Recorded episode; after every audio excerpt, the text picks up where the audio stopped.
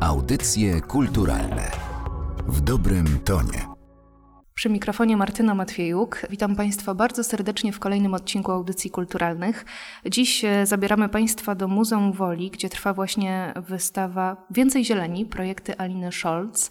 Ze mną jest współkuratorka tejże ekspozycji, pani Ewa Perlińska-Kobierzyńska oraz architektka krajobrazu, pani Natalia Budnik. Dzień dobry. Dzień dobry. Dzień dobry. Zanim porozmawiamy o samej postaci Aliny Scholz, zanim porozmawiamy o jej pracach, to ja chciałabym się pochylić nad dziedziną, jaką jest architektura architektura krajobrazu, bo w tekście dołączonym do tej wystawy określiliście Państwo Alinę Scholz jako twórczynię współczesnego krajobrazu Warszawy. I ja się zastanawiam, ile jest osób i czy w ogóle są takie osoby, które można by tym mianem jeszcze określić, poza Aliną Scholz. Wydaje mi się, że jakby określamy Alinę Scholz jako współtwórczynię naszego współczesnego krajobrazu, rozumiejąc też, że krajobraz to jest w zasadzie trochę odbicie naszych czasów i patrząc po prostu na krajobraz jako wynikową wielu decyzji związanych z miastem projektowych, które w czasie się rozwijają, więc to, co projektowała Alina na przykład tuż po wojnie, do tej pory rozwija się jako parki miejskie, takie jak Ogród Saski, czy też inne tereny zieleni, które do tej pory po prostu służą nam, warszawiakom, jako właśnie ten krajobraz miejski, no ale ten krajobraz to jest jakby wiele składowych, więc możemy myśleć o wszystkich architektach, którzy w jakiś sposób się do niego dołożyli, czy też właśnie innych współtwórcach przestrzeni miejskich, więc y, tutaj autorów jest bardzo wielu, ale właśnie podkreślamy jej rolę, dlatego że po prostu przyczyniła się do rozwoju wielu znaczących i rozpoznawalnych przez warszawiaków miejsc związanych z terenami zieleni. Ja bym dodała do tego może jeszcze taki feministyczny wątek, ponieważ jest twórczynią. No i tutaj ta wystawa poświęcona jest jednej kobiecie, ale od początku też myślałyśmy o tej wystawie z takiej perspektywy przywrócenia no może jest to już taki troszeczkę slogan, ale przywrócenia pamięci kobiet związanych nie z architekturą, a właśnie architekturą krajobrazu, bo już o architektach troszeczkę mówimy szerzej, natomiast zapominamy o tych kobietach związanych z architekturą krajobrazu. Jalina Scholz miała być też taką figurą, przez którą mieliśmy spojrzeć na tą dyscyplinę jako bardzo sfeminizowaną, a jednocześnie w samej historii dyscypliny te kobiety są pomijane. I Alina Scholz właściwie jest jedyną kobietą, która pojawia się w panteonie twórców architektury krajobrazu, szczególnie w środowisku warszawskim SGGW, ale nie jest jedyną architektką krajobrazu, jest jedną z licznych, może jedną z bardziej zasłużonych też ze względu na ilość podjętych przez nią prac na terenie Warszawy, specyfiki tych prac. Niemniej, jeśli prześledzimy wszystkie biura też projektowe, współtwórczynie i współpracowniczki jej, no to jest właściwie ogromna ilość dla przeciętnego mieszkańca Warszawy, a nawet myślę dla specjalistów bezimiennych kobiet. No i Alina Scholz też jest, można powiedzieć, taką postacią, która ma wypełnić trochę tą lukę i być taką, no właśnie, figurą tych wszystkich kobiet projektantek. No właśnie, ja myślę sobie, że postać Aliny Scholz i jej prace są ciekawe przynajmniej z trzech powodów. Po pierwsze, ona tworzyła w dziedzinie, która na tamte czasy była zupełnym nowum, która dopiero się definiowała. Po drugie, tworzyła przed II wojną światową i po II wojnie światowej, a to była zupełnie inna rzeczywistość, zwłaszcza jeśli chodzi o Warszawę, gdzie te potrzeby były zupełnie inne, możliwości też były inne. No i po trzecie, właśnie to, co pani powiedziała, Alina Scholz była kobietą, a bycie kobietą w tamtych czasach nie ułatwiało chyba rozwoju kariery jako architektki krajobrazu. Myślę, że nie ułatwiały w żadnej dziedzinie. Nie jest istotne nawet, czy ta architektura krajobrazu, czy jakaś inna. No to były jeszcze czasy, w których rzeczywiście możliwości rozwoju zawodowego kobiet, no mimo już w dwudziestoleciu międzywojennym dostępu do edukacji, możliwości podjęcia studiów, no wciąż jeszcze nie były tak szeroko rozpowszechnione i dostępne, a rzeczywiście w ogóle sama architektura, już nawet nie tylko architektura krajobrazu, no była taką dyscypliną, która no, była domeną mężczyzn. I mimo, że architektura krajobrazu ma troszeczkę inne korzenie niż sama architektura, no bo tu jednak trochę jest takich elementów z ogrodnictwa, które akurat było też takim mocno sfeminizowanym kierunkiem, no to jednak patrząc na dominację mężczyzn, chociażby wykładowców, tak, no to pokazuje tą trudną sytuację, w której mamy cały właściwie zakład architektury krajobrazu parkoznawstwa, który prowadzą sami mężczyźni i same studentki. I później się okazuje, że kiedy prześledzimy ich kariery zawodowe, no to jednak te najważniejsze zlecenia, czy później też ta kariera akademicka, to byli sami mężczyźni.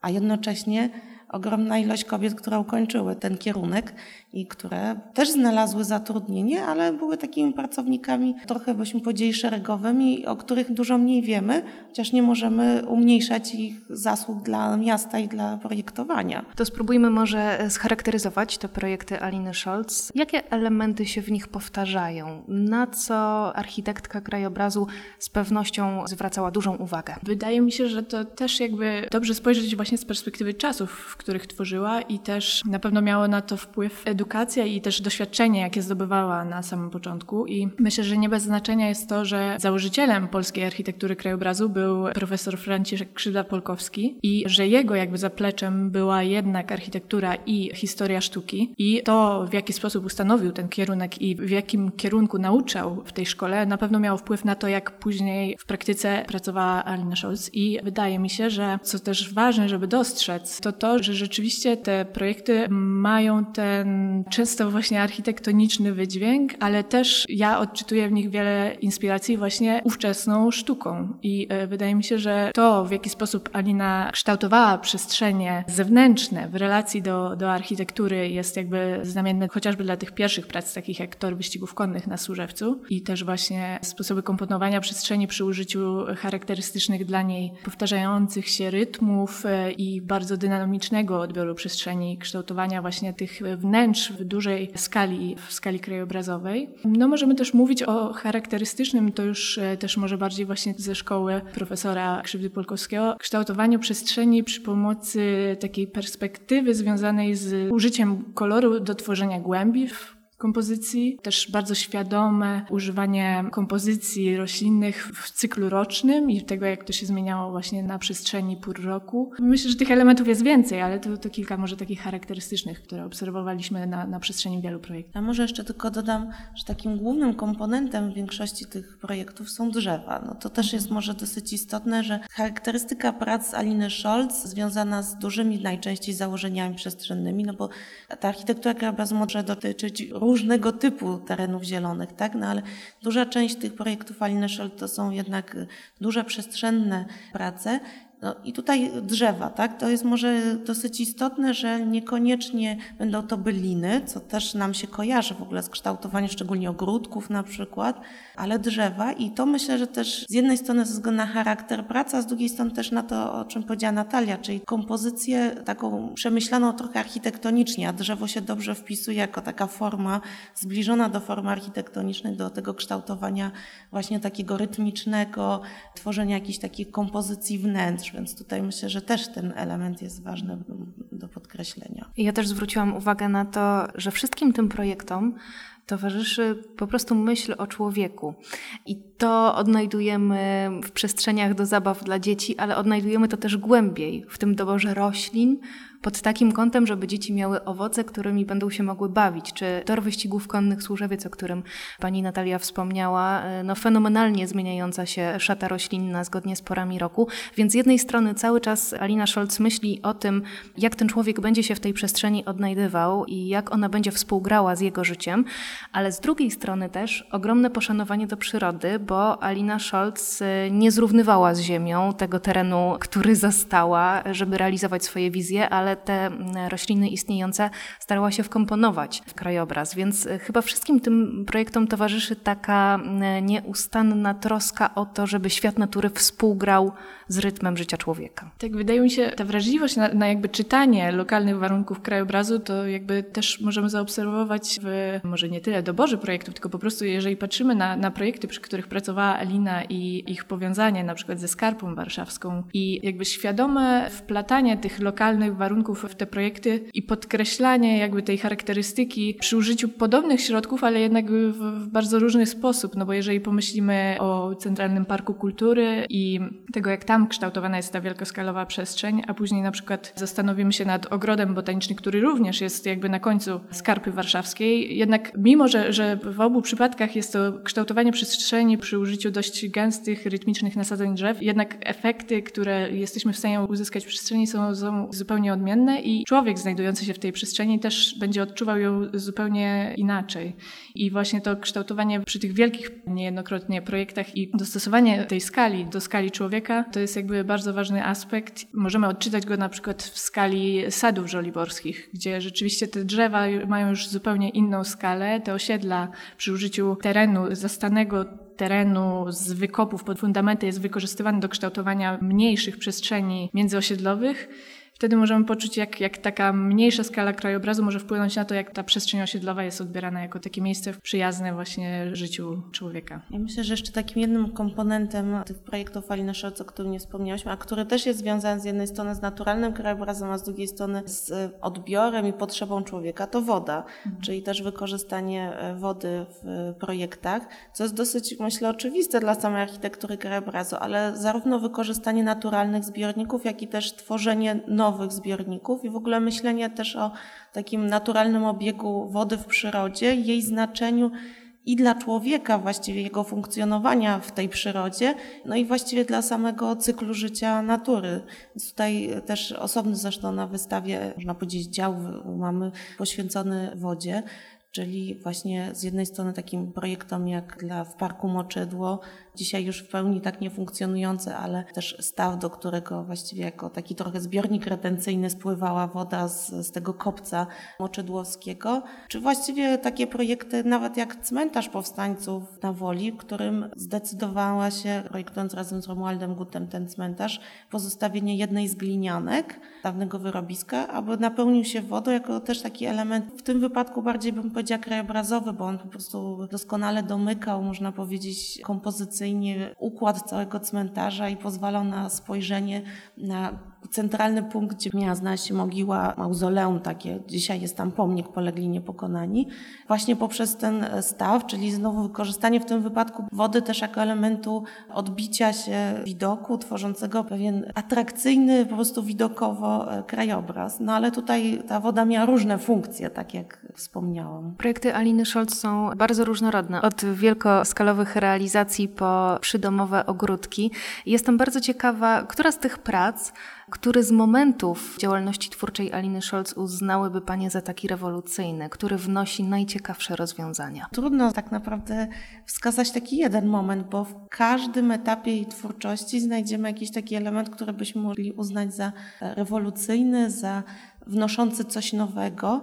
Więc ja chyba nie byłabym w stanie wskazać takiego jednego punktu, szczególnie, że ta twórczość jest bardzo zróżnicowana, na co wpływało no właśnie też to rozdzielenie i tym okresem wojny, bo to, co działo się przed wojną, no będzie zupełnie inne, nie tylko ze względu na inną sytuację polityczno-gospodarczą, inne potrzeby społeczne, więc ta wojna rzeczywiście stanowi w tym wypadku dosyć znaczącą dla architektury krajobrazu cezurę, więc ciężko tutaj wskazać ten moment. O ile sama wojna nie jest cezurą dla historii sztuki jako takiej, czy historii architektury, to myślę, że jeśli chodzi o architekturę krajobrazu, była o tyle pewną cezurą, że zmienił się, można powiedzieć, klient i sposób w ogóle projektowania w rozumieniu typu przestrzeni, które były podejmowane. Ile właśnie przed wojną były to albo realizacje nastawione na taki, byśmy powiedzieli, wątek propagandowo-patriotyczny, jak projekty z Romualdem Gutem otoczenia Kopca Piłsudskiego na Sowińcu, czy dworku Piłsudskiego w Zułowie, czy właśnie wille prywatne, więc tu znowu takie, byśmy powiedzieli, powiedzieli, mało skalowe, ale niezwykle ważne i przestrzeniem ogrodów modernistycznych.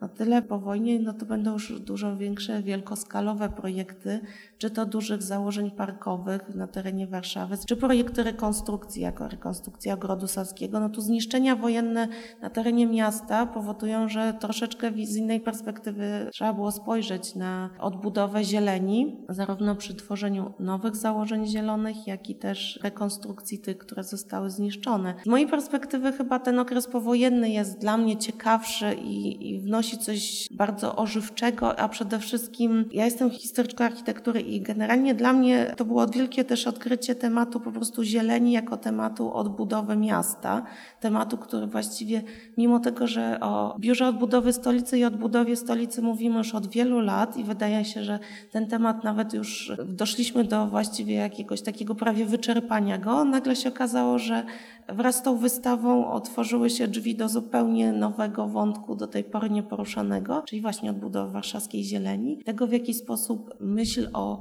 zieleni i jej odtworzeniu, rekonstrukcji czy powiększaniu terenów zielonych wpłynęła też na projekty urbanistyczne i architektoniczne, więc myślę, że to jest e, może nie rewolucyjny moment w samej twórczości Aliny Scholz, ale przełomowy moment dla myślenia o mieście, o Warszawie po 1945 roku. Prace Aliny Scholz też pobudzają do pytania o to, co oznacza dobrze zaprojektowany krajobraz. Tutaj e, na terenie wystawy stworzyli Państwo przestrzeń nazwaną Wola Lab, e, miejsce do analizy miejskiej zieleni. Wiemy o tym, że roślinność wpływa na mikroklimat, wiemy o tym, że otoczenie wpływa na funkcjonowanie ludzi, mamy świadomość ważności tego tematu, no ale co dalej? Z czym mierzą się współcześnie architekci krajobrazu i czy te zagadnienia są podobne do tych, z którymi mierzyli się architekci 50 czy 100 lat temu? Zapewne w jakimś stopniu pokrywają się, bo tak jak pani wspomniała, zagadnienie mikroklimatu i szczególnie w kontekście coraz trudniejszych warunków e, życia w mieście są, są bardzo istotne. Tak samo element wody w krajobrazie miejskim, o którym wspominałyśmy, jest, jest niezwykle istotny ze względu na nasilające się ekstremalne zjawiska pogodowe i nawalne deszcze a później przedłużające się okresy suszy. No jakby aspekt zarządzania wodą opadową w krajobrazie jest niezwykle istotny dla naszego dobrobytu jakby w mieście. I myślę, że, że to było obecne jakby już e, od początku tej dyscypliny. Myśl o dobrobycie ludzi w mieście, o jakby poprawieniu ich warunków życia. I wydaje mi się, co jakby dostrzegamy może jeszcze bardziej teraz po tych już niemal stuletniej historii tego kierunku chociażby w, w Polsce, zaczynamy dostrzegać, że czasem to nie jest tylko o nas, czyli o ludziach i ta taka perspektywa antropocentryczna zostaje jednak poszerzona o też innych współzamieszkujących z nami miasto, zaczynamy dostrzegać te szersze konteksty, czyli nie tylko ludzie, ale też te zwierzęta, które żyją w mieście i ogólnie warunki do życia w mieście dla wszystkich istot zaczynają mieć znaczenie z tego względu, że, że wiemy, że my jesteśmy tylko częścią tej układanki i nawet jeżeli nam będzie dobrze, nie znaczy, że to rozwiąże problem jakby szerszego ekosystemu miejskiego i tego, jak te wszystkie komponenty razem współdziałają. No, myślę, że pandemia też nam sporo uświadomiła, że to jak na przykład zdrowie innych zwierząt może wpłynąć również na nasze zdrowie, więc myślę, że dyscyplina będzie dalej rozwijać się bardziej w kierunku tej międzygatunkowej urbanistyki i takiego myślenia w szerszym kontekście ekosystemowym. To zostawmy jeszcze słuchaczy z pewnym miłym akcentem, bo ja na przykład na tej wystawie dowiedziałam się, że Warszawa ma swoją lipę. Lipa była drzewem, które rzeczywiście bardzo chętnie wykorzystywała w swoich projektach Alina Scholz. Znajdziemy czy w Ogrodzie Saskim, czy wzdłuż trasy WZ, gdzie posadzono 30-letnie lipy, co też było takim nowatorskim przedsięwzięciem przesadzenia dojrzałych drzew. Wiązało się z dużym, właściwie też kosztami i całym przedsięwzięciem. Lipa warszawska jest właściwie takim, można powiedzieć, podgatunkiem, który został wyróżniony ze względu na pewne jego cechy jeszcze przed II wojną światową i po wojnie wykorzystywano sadzonki, które pozostały w szkółce na Rakowcu i to właśnie z nich też wykorzystano te drzewa z tych sadzonek do posadzenia wzdłuż trasy WZ, więc jest to specyficzny tylko i wyłącznie dla Warszawy gatunek lipy, stąd też ta nazwa lipa warszawska. Wola Labie na, na wystawie rzeczywiście można się też przyjrzeć ususzonym liściom, tak, lipy. Tak, w zielniku właśnie, w zielniku można zobaczyć, jak wygląda pokrój lipy, lipy warszawskiej, tak żeby rzeczywiście tak naocznie zauważyć te różnice. No i lipa warszawska też e, charakteryzuje się tym, że jest bardziej wytrzymała co pewnie wynika właśnie z tych warunków miejskich, z tego, że przystosowała się do życia w mieście. No i to też powoduje, że jest drzewem, które chętnie w mieście jest sadzone, bo daje sobie po prostu w nim radę. A jak wiemy, no jednak życie drzewa w mieście nie jest łatwe ze względu na chociażby zanieczyszczenia drogowe. Jak odróżnić e, lipę warszawską od innych lip? E, tego mogą się Państwo dowiedzieć studiując e, preparaty, które znajdziemy na wystawie Więcej Zieleni, projekty Aliny Scholz w Muzeum Woli. Do 28 listopada jeszcze ta wystawa tutaj zagości. W międzyczasie sporo wydarzeń towarzyszących. Dziś o ekspozycji rozmawiałam z Ewą Perlińską-Kobierzyńską oraz Natalią Budnik. Bardzo Paniom dziękuję za spotkanie i zapraszamy na wystawę. Zapraszamy. Serdecznie zapraszam. Audycje kulturalne w dobrym tonie.